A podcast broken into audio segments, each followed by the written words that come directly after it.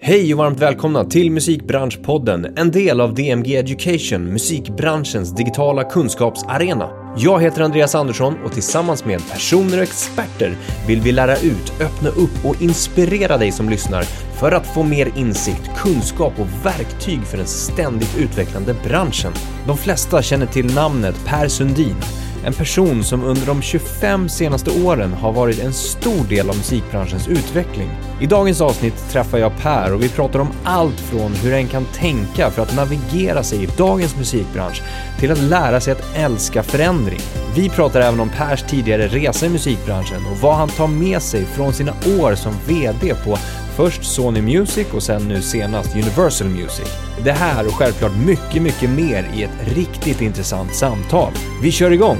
Per Sundin, välkommen till Musikbranschpodden. Tack så jättemycket. Superkul att ha dig här. Mm, trevligt att vara här. Allt bra? Jättebra. Eh, lite kallt har det blivit. Ja, det har blivit det. halt. Ja, framförallt halt. Jag brukar cykla, men, Ja. Och eh, jag brukar sätta på dubbdäck på cykeln. Ja. Ehm, men ehm, eh, det har jag inte gjort. Jag trodde det skulle bli en, bli en, en våt och blöt vinter igen. Men nu är det så pass kallt och halkigt så att jag eh, ställde cykeln. Okej, då har vi en sak gemensamt. Mm. Jag cyklade nämligen igår hit eh, med dubbdäck. Har med dubbdäck? Ja, det var slask på morgonen. Det var isbana på eftermiddagen. Mm. Du cyklar inte idag då? Nej. Nej, idag eh, cyklade jag faktiskt inte. Nej. Eh, för jag höll på att ramla massa gånger igår. Ja, det var, jag, jag, cyklade hem igår och, och föll nämligen i en rondell också. Ja, du gjorde det? Eller jag tog emot mig med, men det var verkligen så här, alltså det var helt ensam i rondell. Jag tänkte, tänk om det, jag, jag fick sån här bara, ja, en olycka händer så lätt. Ja, och eh, det vill man ju inte ska hända nu kanske. Eh, vi har precis gått in i ett nytt år, Mm. 2021. Eh, har du något spännande mål med kommande år framåt? Sådär va? Ja, vi kan väl säga, vi har, vi har, eh, jag har ju lämnade då musikbranschen kan man säga, det, som, inte som exekutiv, det vill säga att jag var eh, ansvarig för, eh, jag var vd för, för skivbolag, alltså majorbolag i 21 år. Först 10 år på Sony och sen 11 år på, på Universal. Och, så jag lämnade det då hösten 2019. Och sen så gick jag då, hade den perfekta tajmingen att gå in i hotell, restaurang och eventbranschen. Lagom, det gick bra först sex månader, sen kom corona. Så det är väl de som är mest drabbade av, av alla besöksnäringen som vi är en del av. ABBA-museet som vi driver på, på Djurgården. Ehm, så om man ska säga vad man ser fram emot 2021 så är det väl att uh, först att 2020 skulle ta slut och sen så, och sen så att, eh, att vi ska få ordning på vaccinationen, i, inte bara i Sverige utan i världen. Och att vi ska få, vi kommer aldrig, det kommer aldrig försvinna covid-19, men att vi kan så här, begränsa det så att vi kan leva med det. Och att vi kan försöka återgå till det norm, så, så normala, vad det nya normala nu är. Om man nu pratar konkret så under 2021 så, så kommer vi faktiskt att eh, släppa tillsammans med ABBA att eh, släppa de här biljetterna till den här förväntade showen som kommer att ha premiär 2022. Okej. Den uh, hologram... Ja, nu är det inte hologram, men det, det började som hologram, som en hologramidé. Ja. var utgångspunkten, men vi, vi håller på med någonting helt nytt som är helt, ska jag säga, groundbreaking låter så pretentiöst, men eh, man kan inte vara för pretentiös när man pratar om vad vi gör. Det är ett gigantiskt projekt som, som om, vi, om, vi, om det går som jag är övertygad om eh, att det kommer att göra, så kommer vi att göra, eh, kommer vi skapa en nytt underhållningskapitel för, eh, för, för underhållningsbranschen i världen. Sjukt spännande ju. Mm, så det, det, och vi, vi släpper då biljetterna under våren 2021. 21, ja. Härligt. Ja, men hoppas det går vägen då med allt som är planerat med vaccinering och precis som du säger besöksnäringen som har drabbats väldigt, väldigt hårt. Ja. Men också musikbranschen. Ja. Eh, som vi ska prata lite grann om. Eh, många känner ju till vem du är Mm. eh, som lyssnar på det här, musikbranschen. Men den som inte gör, Mm. vem är Per Sundin på en minut?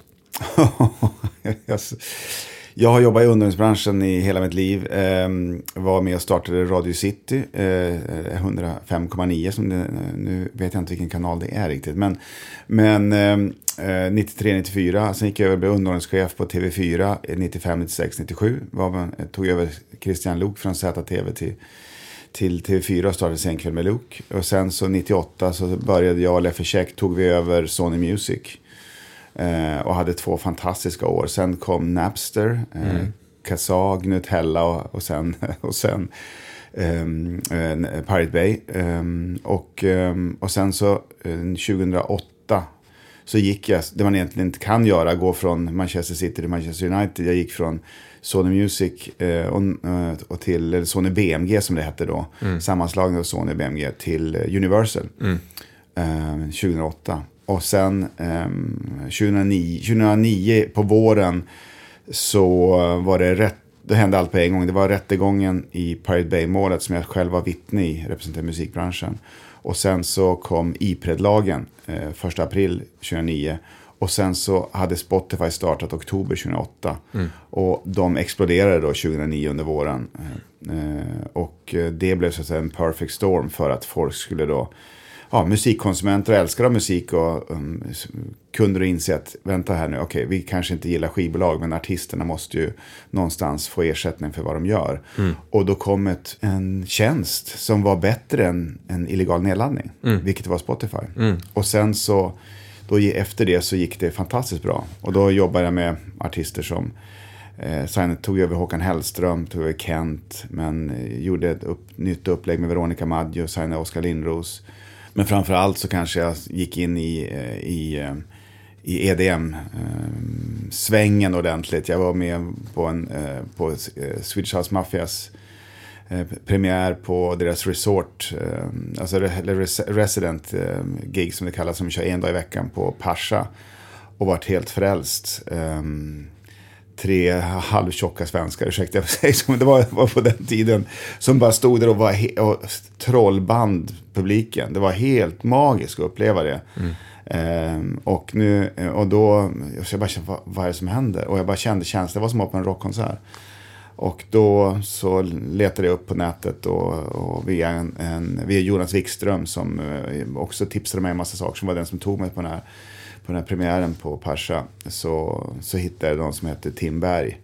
Och som, som var en, en pseudonym för såklart Tim Bergling. Men som sen så signade jag Avicii och var med hela den resan. Och sen så ju, gjorde vi dealar med, med Axel Ingrosso, med Alesso, med Dada Life och med, ja, med allt. Och det var, det var en otroligt häftig resa. Mm. Stora namnen då? Ja, men jag tror faktiskt jag har haft förmånen att jobba med de största svenska artisterna i, i, i Sverige i princip. Det är några få som jag inte har jobbat med, men jag har jobbat med väldigt många, vilket har varit en fantastisk förmån och en, ett privilegium. Mm. Du nämnde att eh, du gjorde något man inte får göra, gå från ett lag inom citationstecken till ett annat lag. Eh, är det lite oskriven regel i musikbranschen att ja, men, så byter man inte? Äh, jag vet inte. Det, det, men det var, jag, jag trodde, jag kände att jag varit vd för Sony Music då, Sony BMG. Jag hade under den här perioden uh, avskedat eftersom jag sammanslagning och jag var Nordenchef för Sony Music innan sammanslag med Sony BMG. Eller med BMG som blev Sony BMG. Så jag, jag sa upp 250 personer under, under fem år, vilket var ganska jobbigt. Eller mm. var skitjobbigt. Och jag hade haft några som jag jobbade med som i sammanslagningen med Sony BMG som jag hade jobbat i tre år på Sony BMG. Eh, och jag kände bara det att jag hade haft dem som chef. Jag hade haft varit chef för dem i, i några av dem i 8, 9, 10 år. Några, och jag kände bara det att både ungefär som man, nu pratar jag fotbollsmetaforer igen, men man, man, både de och jag behövde nytt, nytt blod. Man mm. säga. Jag tror att de behövde en ny chef. Eh, och jag behövde en ny utmaning. Mm. Eh, och då um, så tyckte jag det var bra för alla. Mm. Men det tyckte inte Sony BMG då, eller de cheferna som jag hade då. Så att de stängde av mig. Jag var på, som det heter, garden leave. Ah, okay. De skulle stänga av mig ett år för att vara från början. Ah. Att få sitta hemma och få lön, men inte, inte få arbeta. Men det blev inte ett år, utan det Nej, blev det blev, det blev eh, två månader. Och ah, sen ah, okay. så köpte Universal betalade för att jag skulle få komma och börja jobba hos dem. Ah, okay. Men det var, så det var ganska grisigt en period där. Och jag var lite chockad över, över um, hur jag uppfattades då. Nu är det här, det är 11-12 år sedan, men, eh, men det men det var verkligen, det var, det var, det var mer chockerande upplevelse än jag trodde det skulle vara att just byta. För det var många som var jättebesvikna. För det är ju så, eller var så väldigt mycket då eh, under den här perioden. Det var mycket hat mellan, mellan mediebolagen som då var ja, fem stycken. Mm, mm. Eh, men nu är det bara tre kvar. Precis. Mm. Är det lite lugnare klimat nu skulle du säga? Just majorbolagsmässigt eller? Jag skulle säga så att det var, det, det är ju så, man har en gemensam fiende som var um, eh, piraterna, alltså de, den illegala nedladdningen av musik, så var vi väldigt samspelade och samkoordinerade eh, skivbolagen då under en period. Eh, men samtidigt så fanns det också en, det gick ju väldigt dåligt då. Eftersom det var tufft. Vi fick säga upp med folk och, jag menar, det, det, var, det var en tuff period. Och det innebar ju att det fanns en konkurrenssituation om artister mellan skivbolagen som var ganska tuff också. Exakt. Eh, Men annars så idag så tycker jag att det är, nu eh, när jag lämnade då IFPs styrelse, där, där mina kollegor då satt, eh, Mark Dennis och Jonas Siljemark som, och de andra mindre bolagens vd som jag tyckte att, var, jag tyckte att det, vi hade en väldigt bra kollegial, kollegial stämning och eh, känsla mellan oss där vi hade ett gemensamt mål. Då. Eh, att vi ska se till att marknaden skulle växa, eller ska växa. Och det, så känner jag att med de relationer jag har med Universal och, och eh, med Sony, till viss del Warner, så känner jag att det upplever jag att det är fortfarande idag också. Härligt. Du, om vi backar lite grann bara. Eh, kommer du ihåg ditt absolut första möte med musikbranschen? Alltså inte musik på det sättet. Ja, det gör jag. Vad var det för någonting? Ja, nu får vi gå tillbaka i tiden. Jag bodde nämligen i Östersund och ehm, eh, spelade fotboll där. Och um, sen har jag alltid varit, så att säga, eh, Eh, jag har haft egna företag, sysslat med olika saker. Och då skulle en bolag som heter CBS Records, som sen blev Sony Music, de, skulle, de bestämde sig för att de skulle ha ett Field Promotion Team, det vill säga i sex universitetsstäder eh, skulle man ha en person som skulle representera eh, CBS Records nya releaser. Och då eh, Östersund är ingen universitetsstad, men man tyckte det var bra att ha, det fanns en högskola som, då, som jag själv då gick på då. Och sen var det närheten till fjällvärlden, Åre och, eh, och andra skidorter. Som, och då, vill man att, då fick jag jobb där och så var jag nere i Stockholm och eh, besökte CBS Records. Eh, och det var, det var otroligt häftigt upplevelse. Det var en sån värld som som, eh, jag kommer ihåg, jag kommer ihåg, nu, jag har inte tänkt på det, men jag kommer ihåg nästan hur det luktade där uppe. Det var, det var fascinerande, otroligt exotiskt att komma in och se. Visste du vad ett skivbolag var då? Ja, men det visste jag. Ja, inte med. på det viset, inte så, inte så kreativt som jag upplevde att det var. Nej. Jag, hade, jag, jag, jag, jag var en enorm konsum, konsument av, av eh, musik själv. Mm. Och jag köpte så mycket skivor så jag och en kompis startade en egen. Vi, vi köpte av LP-fyndet i Tierp. Det är väldigt få människor som fortfarande vet vad det är. Men det är en postorderföretag som köpte något som heter Cutouts. Okej. Om, det var, om det, man hade för mycket, mm, mm, om man hade överlager på, på den tiden när man hade fysiska produkter och hade vinylskivor. Så, eh, och man istället för att bränna upp skivorna, för det var ju ett alternativ, för man, annars man, mm, man var tvungen att göra det, för man kan inte bara sälja dem hur som helst, för man ska betala full royalty till artisterna. Precis. Men då kunde man göra något som heter cutouts. Och då satte man, då klippte man ett, en, en, en, en, på, i vinyl, vinylomslaget så klippte man ett hål. Och då, sen kunde man sälja det till, till rea och med en annan tariff på royalty till artisterna. Aha. Till vissa, ja för har man så att säga förstört Ja, ja, konstverket som var då vinyl. Och, då, och LP-fyndet var en av dem som, som köpte de här cutoutsen. Mhm. Och där köpte jag mycket av mina skivor. Och till slut så ringde jag upp och sa så här, jag köper så mycket, jag och min kompis, vi köpte så mycket så vi, och vi tryckte upp, vi vill bli återförsäljare till er, vi vill ha 8, 8% eller vad det var, det var inte så mycket, jag var inte så bra på att förhandla, men 8% rabatt. Och sen så tryckte vi upp en egen katalog och gav den till alla våra kompisar. Så de köpte och så tjänade vi 8% på allt de köpte. Och så, av det så köpte vi egna skivor. Så det var min e- start i musikbranschen. Då var vi kanske 14-15 år. Spännande. Det där cutouts, alltså, var, det var en officiell grej, alltså Ja. just att royaltyn gick ner då. Ja. Och, Eller till att det kan vara, jag kommer inte ihåg hur det var, för det här var så länge sedan. Och jag var inte i musik, jag var inte inne i, i ad, den administrativa delen av, av musik. Men jag tror till och med att man inte fick någon royalty uh, som artist då. Okej, Alltså- men skivbolaget fick fortfarande betalt? Ja, men de, de sålde det ju då till, eh, i och med att de förstörde så att säga, så fick, Ja. var det ju till, alltså, till, nästan till självkostnadspris istället för att bränna upp. Jag, jag, kan, Ja. jag, ska inte, för jag kan inte exakt hur det här gick till, men det här för de som, de som, är, de som är min i 50 plus åldern, eh, de, eh, de, eh, och jobbar i musikbranschen eh, 20-30 år tillbaka, de känner till det här. Ja. Och, den här cutout. Så de, de kan få både ett romantiskt och ett sorgligt tillbakablickande på det. För det är också tråkigt att man förstör de här vinylerna. Ja, såklart. Mm. Men där när du kom upp på CBS Records då, och du kände lukten, kände du att det här är någonting jag vill vara del av? Var det då det föddes något slags frö att Nej, egentligen inte. Det var bara det att det här var bara, det var bara som en dröm att få vara med på det här. Och deras fester och deras eh, tillställningar. Och, ja, det, var, och, ja, det var otroligt läckert. Jag gick ju, jag gick ju systemvetenskaplig linje på, på högskolan, eller Mittuniversitet som det heter nu, i Östersund. Så, så jag eh, hopp, slutade dem självmant efter två år som field promotion och startade ett, eh, ett, ett företag som sålde datorer. Mm. Uh, och då körde jag det i tre år. Och mm. sen så när jag skulle... Så sen så... Uh, Jämtland då var, hade ungefär 150 000 invånare. Uh, Östersund, man kommer ihåg rätt, var 50 000 invånare i Östersund. Ungefär som Solna, mindre än Solna. Men så mm. att, ja. Och, och då, jag hade rest och sålt Macintosh-datorer och Toshibas bärbara som de var som var Och IBM kom med en serie som heter PS2.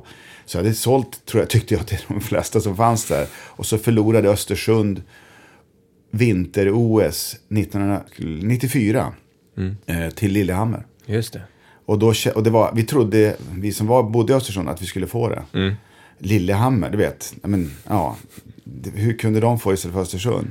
Och då kände jag bara så att luften gick ur mig och då bestämde jag för att flytta till Stockholm. Okay. Och då var, jag, då var jag på besök på Microsoft, på Apple, på ett bolag som heter Datakonstruktion. Eh, som sen, ja, eh, och sen, men sen så i stolsfickan framför dig, som det fanns en tidning som hette på flygplanet, så sökte CBS Records en marknadschef. Mm. Och då, då, ringde jag mina gamla kompisar och sa, vad är det här för jobb? Och eh, ja, sen sökte jag det och, eh, och fick det. Så du gick in på en chefsposition på en gång helt enkelt? Ja, oh, det, var, det var lite speciellt för det var, det var sex personer inklusive en sekreterare som jag fick. Mm. Och jag var yngst av alla, inklusive. Jag var, jag var yngst på avdelningen för att jag skulle vara chef för alla. Och 25 år då. Och det var ju en chansning av dem. Men de chansade på mig. Ja. Och, och ehm, ja, efter, efter två år senare så var jag marknadsdirektör för hela eh, Cibus Sony Music eh, i Sverige. Mm. Eh, och ja, så att eh, det gick ganska fort och bra. Vad skulle du säga att du har lärt dig av eh, tiden i ditt eget ledarskap inom de här olika chefspositionerna? Hur har du liksom, ser du någon slags utvecklingskurva i ditt eget ledarskap? Ja, det är klart man gör det. Men titta tillbaka vad man har gjort. Men jag har varit på lite, lite olika ställen och har sett mig själv utvecklas på olika sätt. Tyck, alltså sen är man ju Sen är det en diskrepans mellan vad jag själv upplever vem jag är som person och vad alla andra mm. tycker såklart. Mm. Men, men jag tror det viktigaste, det är att vara chef måste man alltid utgå från sig själv. Man kan inte försöka vara chef som någon annan är chef, utan man måste utgå från den person man är. Eh, och sen så tror jag att det är också väldigt viktigt att inte tro att man alltid ska ha rätt eller sitta på all kunskap. Eh, det är en klyscha som säger att du ska omge dig, med, omge dig med personer som är bättre än du själv. Och det tror, jag, det tror jag är jätteviktigt att våga göra det i kombination med det jag har fått mest respekt. Man tror att man får mest respekt genom att kunna allt som chef, men det är fullständigt fel. Du får mest respekt som chef när du kan erkänna för dina medarbetare, eh, din omgivning, att du hade fel. Mm. Att du gjorde fel eller sa fel eller tänkte fel. Och, ja, nu har jag fått med mer information och det du sa på förra mötet har jag förstått att det var faktiskt det som var rätt. Jag har aldrig fått så mycket respekt um, som jag fick de gångerna. Alltså jag kommer ihåg ett speciellt tillfälle när det där hände. Um, som jag då, um, uh, när jag erkänner att jag, jag har haft fel. Mm. Och det tror jag att det är många som, som missförstår. Och uh, är rädda för att uh, eh, att erkänna att man, att man är människa, vilket alla trots allt är. De tror att man ska visa svaghet, att det är någonting negativt i den positionen på något sätt. Och det är tvärtom, du visar styrka genom ja. att visa svaghet. Att du kan ändra dig. Ja. Mm. Men du, det här, allt som du pratar om nu, det låter ju som att du är en väldigt målmedveten person och liksom måldriven person. Är du det? ja, jag ursäktar, jag skrattar det, om du skulle fråga någon annan i musikbranschen, ja, både konkurrenter och kanske mest de som jag har jobbat med, så skulle de nog säga att jag är extremt eh, tävlingsinriktad. Ja.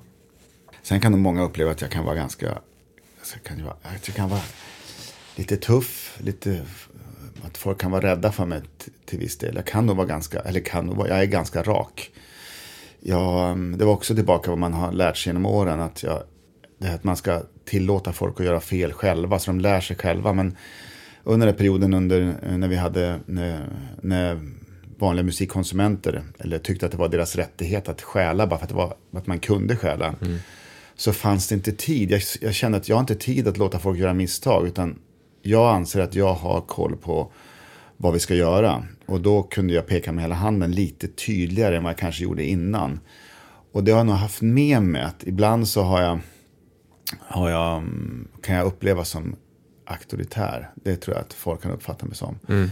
Ehm, jag skulle nog ändå säga att de, de som känner mig, de som jag har nära mig, eh, vet också att jag, att jag faktiskt är ganska bra på att lyssna. Ehm, men sen när jag bestämmer mig så pekar jag med hela handen. Och jag mm. tror att det faktiskt är nödvändigt som chef idag. Att, eh, och jag tror att, vi, att man måste ha den typen, för att vara framgångsrik idag, måste man visa ledarskap. Och ledarskap det är att, att kunna ta in all information och sen fatta beslut. För en av de viktigaste sakerna jag har lärt mig under de här åren det är att, att vara chef, det är ingen popularitetstävling. Utan det är att du måste tänka ett steg längre och ibland så måste man Ja, till och med tyvärr. Jag ska inte säga att man medvetet sårar, men man, ibland så blir det så att man måste, jag menar, ja, som jag sa, ja, under när vi slog upp Sony BMG så under två dagar så sa jag upp 40 personer. Mm. Ehm, och det är klart att jag gör många ledsna och jag sårar många och många tycker att jag gör fel såklart. Men eh, man får tänka igenom, lyssna på människor som man litar på och, och sen så fatta besluten därefter. Jag tycker att det är ett klockrent exempel på hur dåligt saker och ting fungerar i den här coronasituationen. När vi i Sverige har regioner, kommuner, regering som alla skyller på varandra och, och myndigheter. Eh, istället för att, eh, jag, jag, ursäkta jag går in på det, men eh, vad tror han hette, Giesecke som före detta statsepidemiologen som sa det att i Sverige har vi i alla fall demokrati, man får göra som man vill. Men när det är någon gång man inte ska få göra som man vill så är det väl en, en pandemi. Där man, någon ska peka med en handen och säga så här, nu är det så här. Mm. Att man utfärdar rekommendationer till folk, då gör ju folk som de vill. Men om vi nu har en pandemi så måste man ju göra som man blir till. Någon måste ju säga så här, nu, nu är det här som gäller. Och så måste man följa det. Eh, och speciellt i krissituationer. Mm. Eh, man, kan inte, man kan inte driva ett företag in, in, demokratiskt för att folk ska rösta om vad nästa beslut är. Eller vem som ska bli nästa, nästa chef. Så det, det, kommer aldrig vara framgångsrikt. Ja, då är det en förening. Då är det en förening. Då är det inte ett företag. Exakt. Eh, det, kopplat till målsättning då. Tycker du att är det viktigt att artister, om vi, om vi bara pratar om den eh, delen av musikbranschen, artistskapet. Är det viktigt för artister att ha, jobba med mål, ha mål? Jag tror att alla artister har mål. Eh, sen har de olika mål. Vissa artister vill, vill, bli, eh, vill bli kända. Vissa artister vill bli, stå på en scen och spela inför ma, eh, för massa människor. Tycker att det är kicken i livet. Andra vill bara få ut sitt konstnärskap och skapa, och skapa det genom att eh, spela in text och musik som de står för och som de brinner för. Och att andra ska lyssna och eh, ta del av det och kanske bli, eh, eller, och, och, förhoppningsvis då eh, utifrån det perspektivet bli och beröra andra människor. Men jag är helt övertygad om att alla artister har ett mål med, med vad, de, vad de gör. Um, absolut. Skulle du uppleva att de som har ett eh, tydligare mål, alltså kanske mer formulerat mål än en vision, att de lyckas bättre i relationen med till exempel ett skivbolag? Att man kan förmedla vad man faktiskt vill som artist när man signar med ett skivbolag och vart man vill nå någonstans och hur det då samarbetet mellan skivbolag och artist kan se ut till exempel. Men det, det har du helt rätt i. Det, det, det, jag skulle säga så här, att en artist som gör allt som skivbolaget säger att artisten ska göra kommer att misslyckas. Ehm, de allra framgångsrikaste artisterna, de har en egen vision om vad de ska göra. Och där fungerar skivbolaget som ett bollplank, lägger upp en massa idéer, ehm, allt ifrån kampanjer till hur man ska bryta igenom bruset som det är idag, hur man ska nå ut. Eh, skivbolagets viktigaste marknadsföringsuppgift idag och liksom i alla tider har ju varit att exponera artisten och artistens musik för så många personer som möjligt eller för en relevant målgrupp som möjligt. Men om artisten inte vet vad den vill med sitt konstnärskap eller eh, att den aldrig kan ifrågasätta någonting som skivbolaget eh, presenterar, då kommer artisten inte överleva. Mm. De jobbigaste artisterna, ur, ur ett skivbolagsperspektiv, är alltid de mest framgångsrika.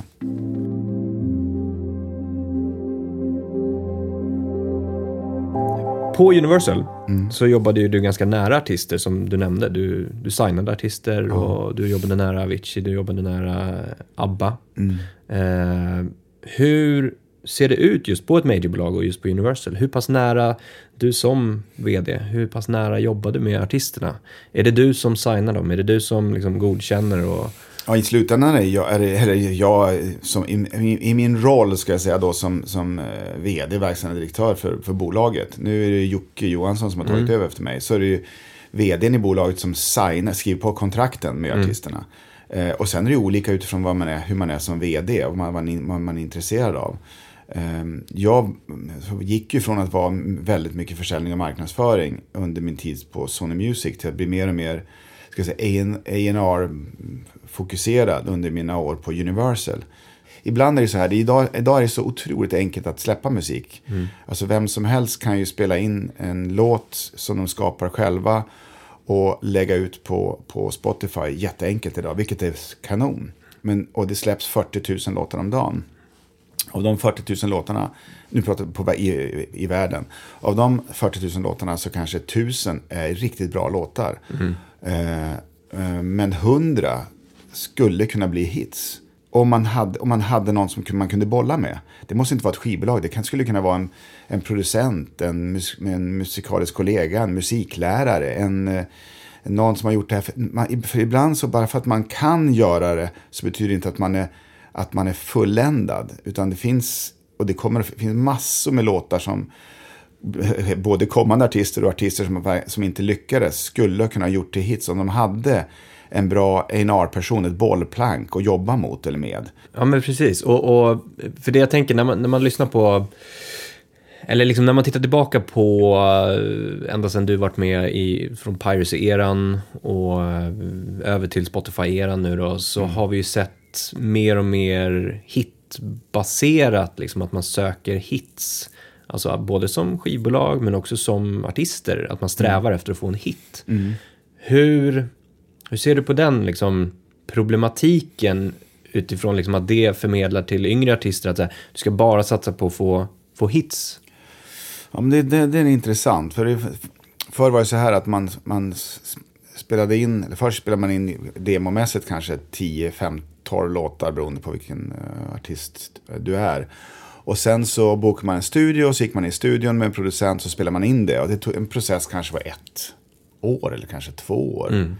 Jag jobbade med Magnus Uggla, han släppte skivor vart, vart fjärde år. Men, men då är det så att, att när, du, när, du jobbar, när du jobbar på det viset så, du, så, vet, så du, håller du på med dina låtar i din ensamhet. Och så när du släpper dem efter två år då, eller ett år eller tre år, vad det kan vara, så kanske de är ingen är intresserad. Mm. Eh, vilket är väldigt hemskt för vissa artister som håller på med det här, ägnat sitt liv åt det här och sen så det var ingen som vill, tyckte det här var något bra. Eh, därför så, så, så går vi mer och mer mot att man släpper en låt, man släpper mixtapes, man släpper alltså demos, man släpper testvarianter på låtar. Man släpper en singel här, man släpper en, en man, lite mer, så att säga, inte random, men man, man är inte, det är inte lika viktigt som det var förr att man har ett en, där man ramar in sin produktion i ett album. Mm. Även om jag som ska säga, musikälskare eh, tycker att det är det finaste sättet man kan göra. Att manifestera en period i sitt liv där man skapar någonting som hör ihop. Mm. Eh, men det vi är på väg idag, det är precis som du är inne på, det är att vi går mer och mer mot hits. Mm. Men, och, och det har ju varit så, jag kan säga själv så har jag, har gått, har jag varit ganska ganska bra på att känna in vad som kommer att fungera och inte fungera. Tills ganska, ja för två år sedan, då jag började känna så här, nu har jag ingen aning längre. För mm. nu, nu är konkurrensen så hård där ute. Och utbudet är så enormt. Mm. Så att det svåra är idag att få exponering på, på spellistor. Alltså låtar som jag tyckte, som, som tog tid hos, framförallt kanske ballader, även om Victor Leksell och Svag är den största låten på, eh, jag menar, någonsin tror på Spotify i Sverige, mm. så är det svårare för riktigt bra ballader att tränga sig igenom. Eh, för de, de, de, måste hitta sitt utrymme, sin, sin kontext, alltså sitt sammanhang. Mm. Men jag tror idag att vi är på väg tyvärr mot ett mer och mer, som du är inne på, ett mer mot ett singelförfarande. Där singlar bryter igenom och det blir mer one-hit wonders. Och det blir svårare att förutsäga vad som ska bli hits idag. Och där kommer tillbaka, nu när det är så lätt att släppa musik, så kommer skivbolagens roll, de som är experter på att bryta genom bruset, att bli jätteviktigt. Att man behöver hitta en konstellation av människor. Om det är på ett skivbolag eller via ett management eller någon annanstans. Men du måste hitta några som vet hur du i den digitala världen bryter genom bruset eh, och skapar uppmärksamhet eller får att exponera din musik för så många människor som möjligt. Sen kan det också vara så att din musik, eller säg vi tar en speciell låt, eh, för det, tyvärr är det väldigt mycket algoritmstyrt idag, det vill säga att om låten, om din låt får dålig feedback från algoritmerna. Det här låter ju hemskt, men så här funkar det idag på Spotify. Det vill säga att det är, eh, folk startar låten och sen skippar de efter 4, 5, 10 sekunder. Eh, de, eh, de drar den inte till sin spellista. Mm. Eh, och de kommenterar den inte. Och de delar den inte med någon. Det är klart att då får den, den här den här låten graderas ju ner efter, av, av, av, algoritmerna. Är det däremot så att du drar den till din egen spellista, du kommenterar den, du delar den, delar den med andra, då får du en bättre, ett bättre index i algoritmerna, hittar den lättare och placerar in den på olika ställen. Sen kan man ju se då, på, kan man titta på en låt som säger så här, den här funkar inte, den har dåliga, eh, dåliga stats. Det du gör då det är att du går in och tittar, finns det någonstans i någon målgrupp där statsen är bra. Mm. Och så man så, ja men det gör det faktiskt. Det finns kvinnor 35-45 som bor i mindre städer. Om, man säger så för att vara lite extrem här. Där testar den jättebra. Eh, och då gör man så här att då marknadsför man sig mot de här. Och då och bara se till att de lyssnar på låten, för de gillar den här låten. Och då kommer de att dra till sin spellista. Och helt plötsligt kan du ha vänt. Så algoritmerna upptäcker att det här är en låt som funkar. Och då kan du använda det som och bygga det. och se till algoritmerna lägger ut den på fler spellistor och pushar den vägen. Mm. Så det är jätteviktigt att inte gå för brett i början med en låt. Mm. Uh, och det gäller också viktigt att, att om du släpper din låt, säg fredag den 15 eh, januari då kan du inte säga, ja, men jag, jag, den är klar nu den 13 januari, två dagar innan. Så skickar man den till Spotify och, eller så försöker få ut den på alla plattformar. Det kan man säga, men det, den hinner komma upp till fredagen. Men problemet är att, och det här låter jättekonstigt, men du måste, om du vill att det här ska fungera ännu bättre med din låt och få in den på sådana här New Music Friday-spellistor, kanske runt om i världen till och med, inte bara i Sverige, så måste du värma upp algoritmerna. Du måste skicka in den tidigt så algoritmerna hinner placera in den och se hur det funkar. Och då är det ingen som lyssnar på den.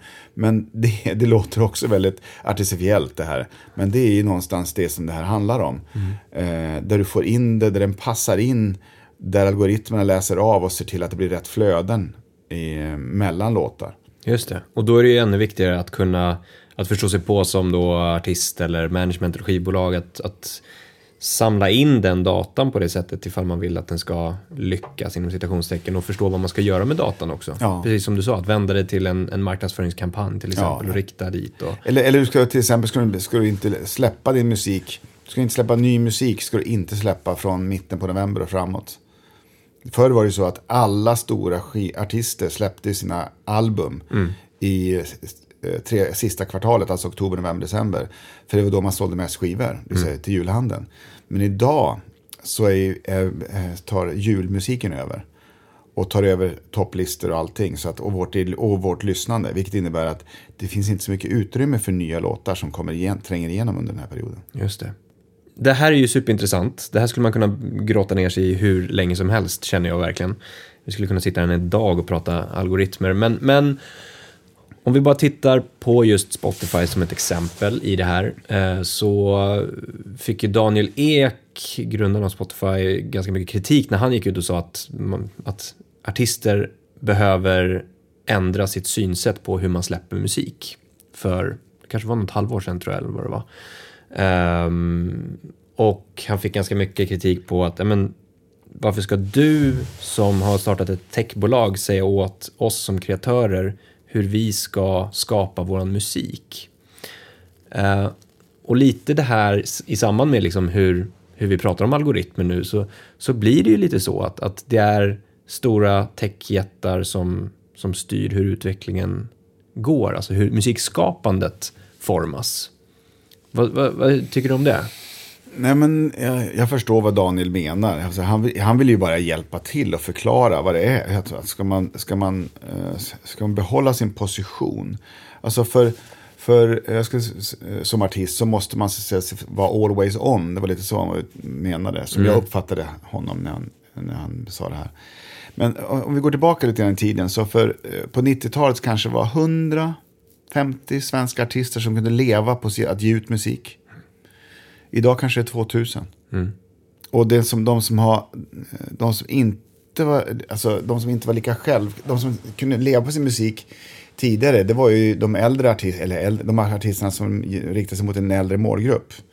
Eh, de artister som hade en målgrupp som var över 40-50 år, för de köpte alla, de var ju trogna och köpte de här fysiska produkterna som kom ut på CD eller vinyl eller på kassett på den tiden. Men nu i den här situationen som det är just nu, när när, om, vi, om vi tar exemplet om vi tar en, en 15-årig tjej eh, som älskar eh, hovet och en 50-årig gubbe som älskar eh, Thomas Ledin. Och, eh, eh, eller 15, eh, så då, vad innebär det? Jo, det innebär under en månad så betalar båda de här personerna 99 kronor i månaden. Mm. Ja, ta bort momsen så är det 80 kronor kvar. Och de 80 kronor, så, så, låt oss bara för att exemplifiera, så går det 40 kronor av 80, av de 80 går in i en in i en pool. Säg att det är de här två personerna de enda i universumet. Det vill säga en 15-årig tjej och en 15-årig eh, farbror, man, 15-årig man. Eh, de två, eh, tack vare att de prenumererar på Spotify, lägger in, av de, deras 99 spänn så är 40 kronor var går in i en pool. Då har vi 80 kronor i poolen. Under en, eh, under en månad så lyssnar den 15-åriga tjejen, hon lyssnar 90 gånger på Hovets nya album. Hon älskar Hovet, tycker det är fantastiskt. Och den här mannen då som lyssnar på Bruce Springsteen. Han älskar Bruce Springsteen, den nya skivan. Men han, bara, han har ju jobb och annat han håller på med. Så han hinner bara lyssna tio gånger under, en, under den här månaden. Av de där 80 kronorna så går 72 kronor alltså, eh, till 9 gånger 8, 72. Alltså går 72 kronor till hovets skivbolag eller, eh, eh, som tar in de pengarna som fördelar till, till hovet. Och Thomas Ledins eller Bruce Springsteens skivbolag får åtta av de kronorna. Mm. Det vill säga att det är lönsamt idag för både skivbolagen och för de artister som riktar sig till en yngre målgrupp. Som har mycket mer tid att lyssna på låtar. Som lyssnar fler gånger på låtar. Och det är mer lönsamt och ger mer pengar. Och man måste alltid follow the money som det heter. Det är där man kommer komma mer fokus från skivbolag och för den delen också för artister. Mm. Så att det, man, man kan också säga, det, och därför så, så är det så att för att vara always on, som Daniel då uttryckte, eller jag vet inte om han sa exakt så, men vad han menade var att du måste hela tiden kunna, för att behålla din position så är det viktigt att du hela tiden ger din, din, din, dina fans, eh, se till att, att du ger dem musik kontinuerligt. Ger dem, och det kan, behöver inte vara allt behöver inte vara fantastiska låtar. Det kan vara till och med att du skickar demos och testar. Alltså skickar, lägger ut. För idag är det inte någon som måste betala för det speciellt extra. Det är ingen som kan säga så här, fan han bara, han eller hon eller de bara vi ska eh, tjäna pengar och släppa ny musik för att vi ska köpa det. Det kostar inget mer för konsumenterna. Mm, nej. Så det, det, är inte, det är inte det, utan det handlar bara om att vara kontinuerligt vara nära marknaden och vara nära dina fans. Det är mm. egentligen det som, som Daniel menade. Alltså han sa det mer för att hjälpa, eller bara förklara hur det funkar idag. Mm. Idag har vi alltså en, när, när Mega Skivakademin som var Sveriges största skivbutik hade kanske 10 000, eh, nej inte ens det, så 1000 olika album. Idag så finns det, som jag sa, 40 000 låtar släpps varje mm. dag. Tänk, du förstår, förstår vilken skivbutik det är idag och vilket är fantastiskt för oss konsumenter. Men det är en enorm, enorm konkurrens om du ska vara artist och ska bryta igenom bruset eller få uppmärksamhet i det här. Mm. Det här vi pratar om, det ligger ju väldigt nära något som du också brukar prata om, att lära dig att älska förändring. Mm. Ehm, och det är ju det är någonting som låter lite självklart när man pratar om det, men det är ju svårt i praktiken. Absolut. Ehm, att lära sig att älska förändring för att du inte kan påverka allt som händer. Eh, du kan påverka så pass mycket eh, som du har runt omkring dig, men du kan inte påverka allt. Hur, alltså när, när man pratar om det här, hur skulle man kunna, finns det något exempel på hur man kan alltså, konkret jobba med att lära sig att älska förändring på något sätt? Som artist till exempel, att ja, men det dyker upp en ny plattform och då, då ska vi släppa musik på det här sättet. Att så här, men ah, Nej, jag, jag tror inte att man kan lära sig att älska förändring. Jag tror vi har det nedärvt i våra gener att förändring är någonting jobbigt.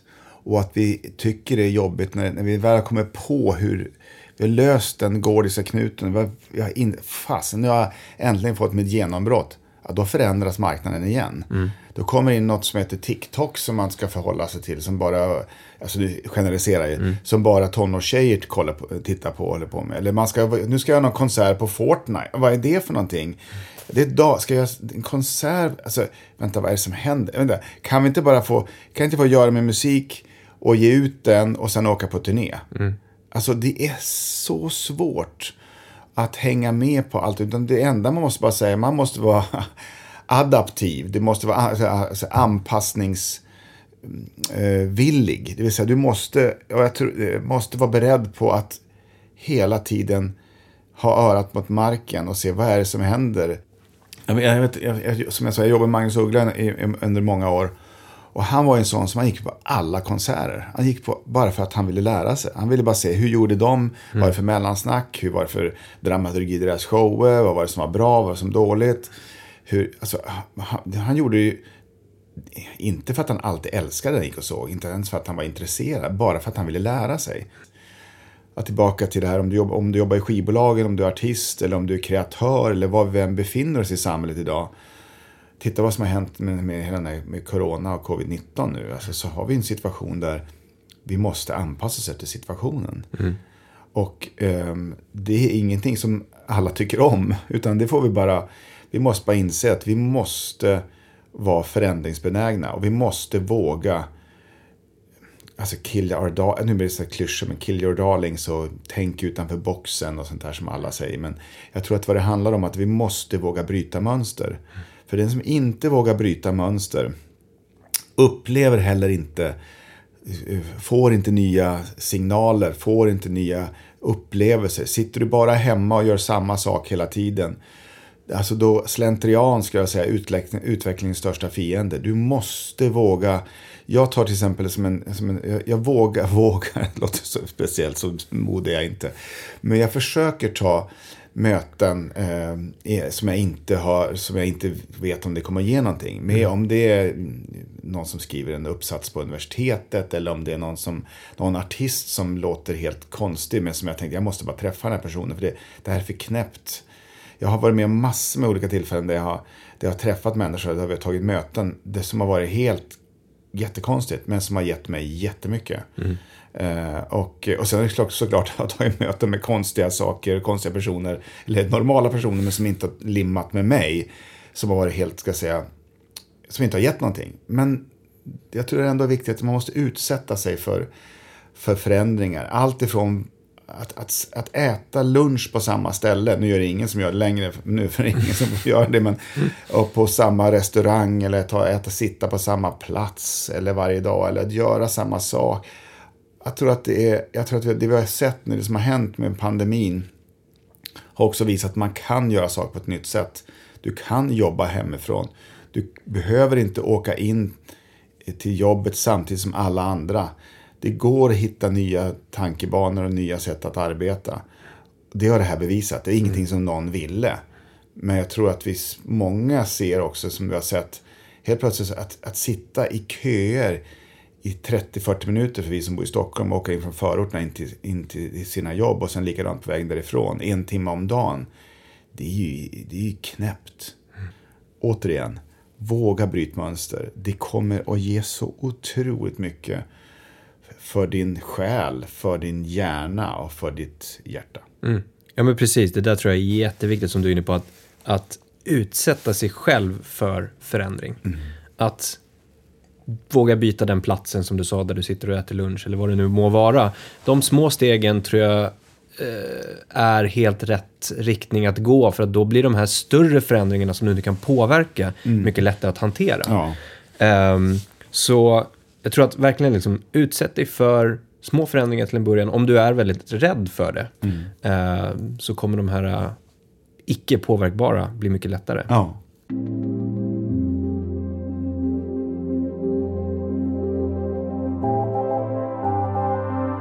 Som sagt, du, du har ju varit chef och ledare i, i musikbranschen. Du sitter även med i styrelser fortfarande, eh, några stycken.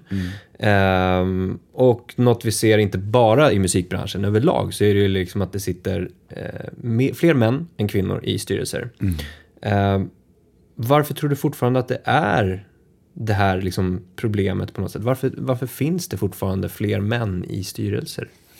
Jag tror det handlar om, eller det, det handlar om att vi, att gamla strukturer. Ja. Det vill säga att det, har varit, det, dels har det varit, har jag av, eh, har, menar, kvinnor hade inte rösträtt. Alltså det, det, vi får ju gå tillbaka hundra år i tiden. Eh, och alltså sättet att hantera kvinnor och män på i, från den gamla tiden när det var, eh, den gamla tiden, som, som det var i alla tider, har ju varit väldigt speciellt. Och, eh, eh men vi, men, men jag, jag, jag ser eh, nu att, eh, vilket har varit helt jag menar, förfärligt att det har varit på det viset. Men nu, jag ser verkligen positiva tecken. Jag tänkte på det, jag lyssnade på P1 här, och, om en eh, fransk kvinna som var de, deras version på Greta. Då jämför man, ja, hon, eh, och det finns en annan, en belgisk tjej som är ungefär som Greta. Och så, och så tänkte jag, fan, det är helt otroligt, det är bara kvinnor.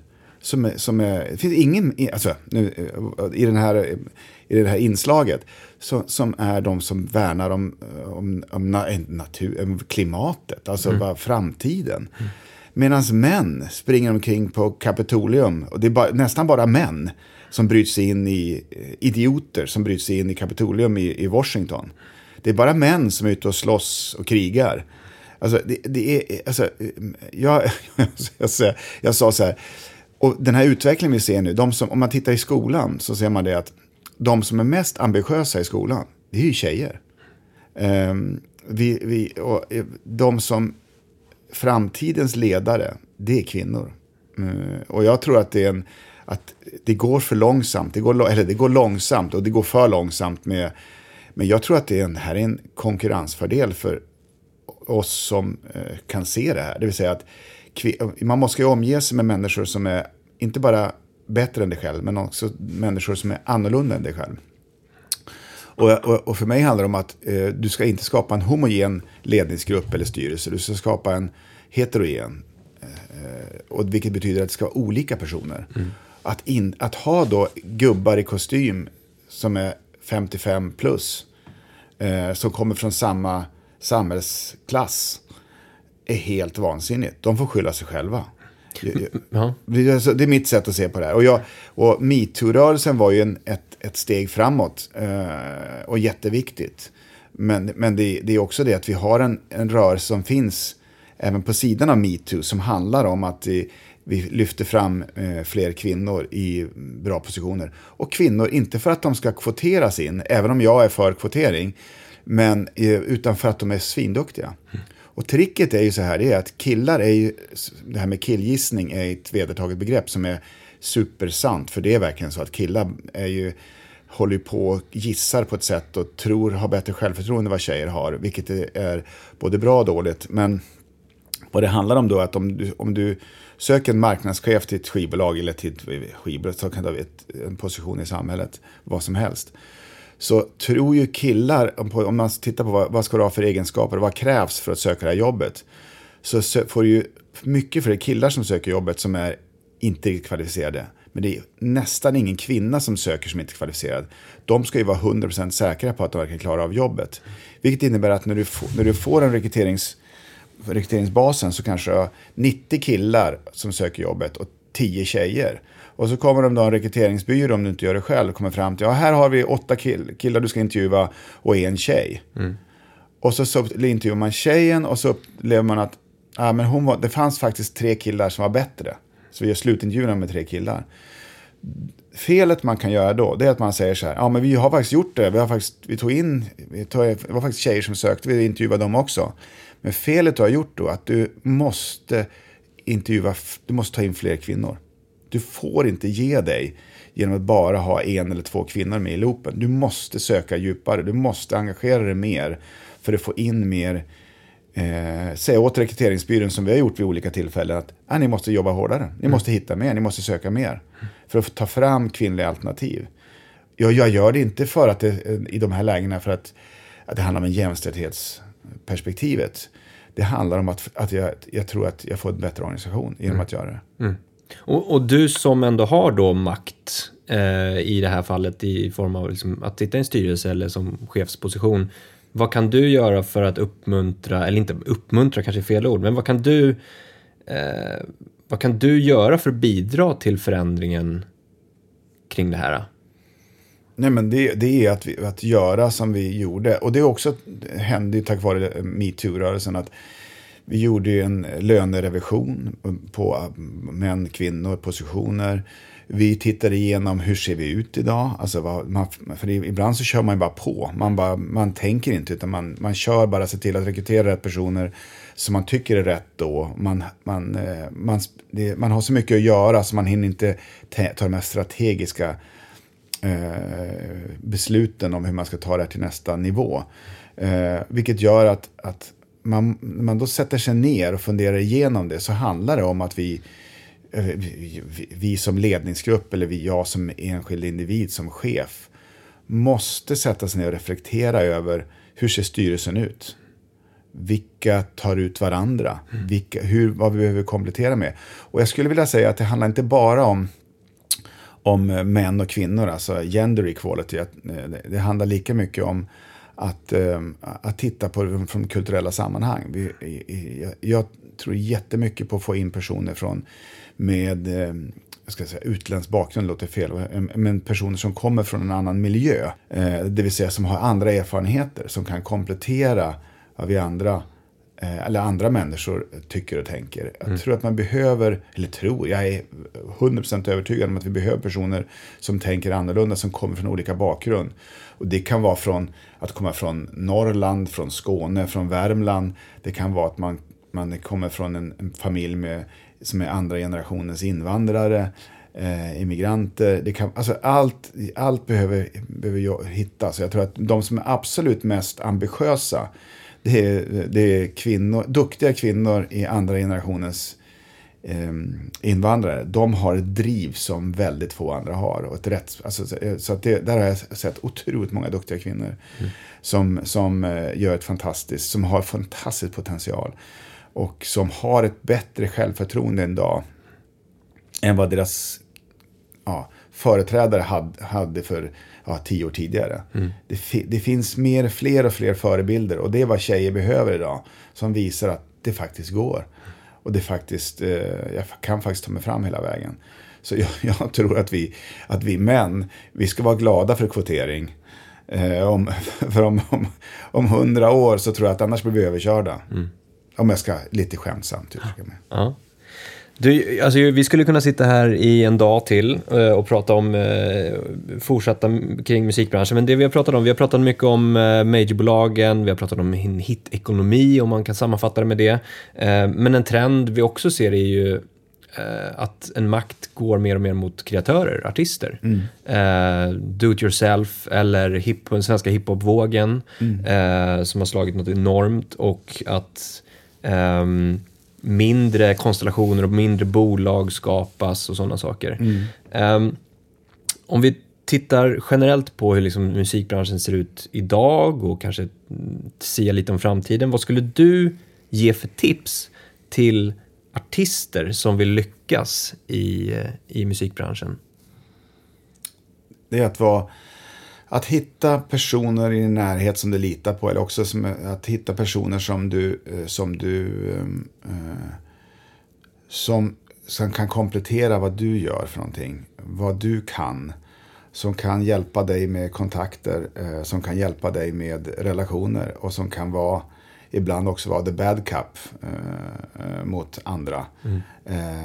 I kombination med att att om du ska vara, om, att skapa en one hit wonder är en sak, men om vi skapar en långsiktig artistkarriär så handlar det om att vara så nära sig själv som möjligt. Det vill säga att utgå från ditt eget konstnärskap. Alltså vad är det, vad är det du vill berätta? Vad för...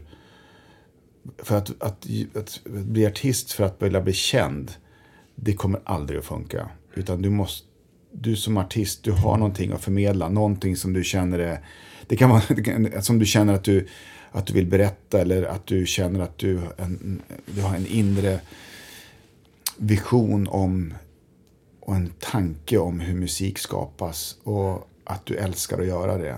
Och det, då menar jag bara tillbaka till konstnärskapet. Att vara så nära det du kan. Och sen så kanske det inte kommer att gå så fort i början. Du kanske, kanske måste ha tålamod.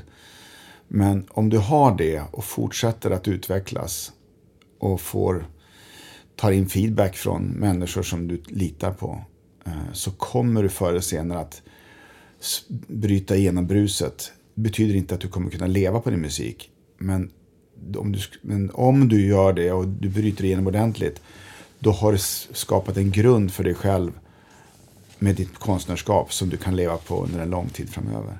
Och det som är intressant med det här, med att, att bryta igenom, det är också det att, att, att leva på sin musik, det kan du göra idag. Som jag sa tidigare så är det 2000 personer, om inte fler, som idag kan leva på sin musik. Och jag tror det är en jätteviktig signal ut till förorten där vi ser den här gängkriminaliteten som finns idag. Där vi också ser de, de unga killar som idag eh, har förebilder av, av, andra killar som, som, eh, som har pengar därför att de jobbar med, håller på med jobb, håller på med kriminalitet. Om vi kan få unga killar att få förebilder som sysslar på musik och som, som också kan försörja människor runt omkring dem, i kluster runt omkring stora artister i, som kommer från förorterna. Så tror jag att vi kommer att få kommer människor, och framförallt ska jag säga då egent killar, för det är de som ställer till de här bråken där ute, att välja en annan bana. För jag tror inte att någon egentligen vill vara kriminell. Jag tror att alla, min bestämda uppfattning är att alla vill egentligen bara få uppmärksamhet för någonting man har gjort som är bra. Men finns det ingen annan utväg så tar man, är det, så tar man den här felaktiga utvägen. Får man inte rätt guidance när man är ung, har man inte en förebilder som eller kan se rätt vägar, få rätt inspiration eller få se vart man är på väg någonstans. Jag tror ju inte, jag menar ju att skolan behöver bli revolutionerad. I skolan idag är det de som är duktiga, duktiga på att memorera som lyckas. Det är inte de som är kreativa som, som, som är de som som, som premieras. Ja, förutom du är duktig i syslöjd eller träslöjd som vi fortfarande har på skolschemat. Men vi in, där vi inte har eh, dramaturgi, retorik eller programmering eller kodning. Vilket är helt ofattbart. Alltså vi ska lära oss periodiska systemet utan till, Men vi lär oss inte retorik eller dramaturgi. Mm. När vi alla håller på med berättande eller med programmering och kodning. Där man säger programmering och kodning, det kommer inte jag klara av för jag är inte bra på matte. Det handlar inte om matematik, det handlar om logik. Och du vet inte om du har talang för det om du inte har provat det. Mm. Alla vi vet om vi är bra eller dåliga på fotboll, eller om vi tycker att det är kul med fotboll, om vi, eller om vi har talang för fotboll. För det har vi provat. Mm. Men väldigt få har provat på att programmera eller koda. Mm. Och det menar jag att dit måste skolan gå. Och vi på Space, som är ett av de bolag som jag representerar, kommer att skapa de förutsättningarna på vårt mm, eh, datacenter som vi har, där vi, gamingcenter som vi har. Och där vi håller på att prata med Stockholms stad om hur vi kan göra det här. Och inte bara för Stockholms stad utan fler kranskommuner runt om i Stockholm och förhoppningsvis för hela Sverige. Mm. Perfekt. Och ett sista tips till personer som vill jobba bakom musiken, alltså till exempel på ett skivbolag inom management eller liknande. Mm. Jag tror att bästa sättet är att, att eh, antingen att, eh, om du har tur att jobba med en talangfull person som finns i din närhet, som är duktig på, på, att, på att skapa musik eller skapa text, eh, jobba med den personen. Eller att, eh, att söka sig till något skivbolag eh, som finns där. Det finns massa små bo bo bolag, det finns såklart stora bolag. Jag tror man måste ha lite tur också att komma in där. Men idag så är det lättare än någonsin att starta ett bolag och själv söka på nätet efter talangfulla människor. Eh, Arash Pornouri, eller Ash, som var, som var manager åt, ehm, åt Avicii. Som felaktigt ska jag säga, som vi har fått otroligt mycket skit för att det var hans fel att, att Tim Berling tog sitt liv. Han, de slutade jobba två år innan det här hände, så jag skulle säga att det var, det var, det var inte eh, Ash eh, fel att det här hände, utan det var andra omständigheter som gjorde det, tyvärr, eh, att Tim gick bort i förtid. Utan, men, men Ash var en sån person, så han eh, hade ordnade konserter, ordnade eh, på kvällar på Café Opera. Eh, och sen så sökte han på nätet efter duktiga talanger och hittade något som han gillade, vilket var Tim Berling. Och, ehm, och då så började med ett samarbete. Det vill säga att om du brinner för det här inom musikbranschen, eller skapande överhuvudtaget. Leta efter någonting som du tycker om. Om du gillar film, så läs filmvetenskap på universitetet. Om du gillar musik, så hitta en utbildning där du kan lära dig lite mer. Eller sen bara var, leta på nätet efter sånt du tycker om. Kontakta de här personerna. Se vad man kan hitta på och göra tillsammans. Våga kontakta andra människor. Och våga misslyckas, för det kommer man att göra i början. Och våga, våga eh, ringa de här samtalen och, och våga ha det här självförtroendet att du är lite, våga vara var lite, eh, var inte framfusig, men våga, våga lämna ut det i form av att säga att jag är beredd att och, och, och jobba eh, väldigt hårt för att lyckas. Eller jag tillsammans med dig som jag upplever har en fantastisk talang eller med, med, med dig på det här skivbolaget kan hjälpa till med någonting. Då måste man ibland ta de här hundåren för att sen komma vidare i livet. Tyvärr så har vi många av våra föräldrar som vi lever idag säger till oss du kan göra vad du vill, du kan bli vad du vill. Och det är kanske är det mest farliga vi säger till våra barn. För det, man kan inte bli vad man vill om man inte satsar de här 10 000 timmarna. Eller man vågar förstå att det är, man måste jobba, börja underifrån innan man kan komma upp. Du kommer, om du gräver där du står, gör ditt bästa där du befinner dig nu.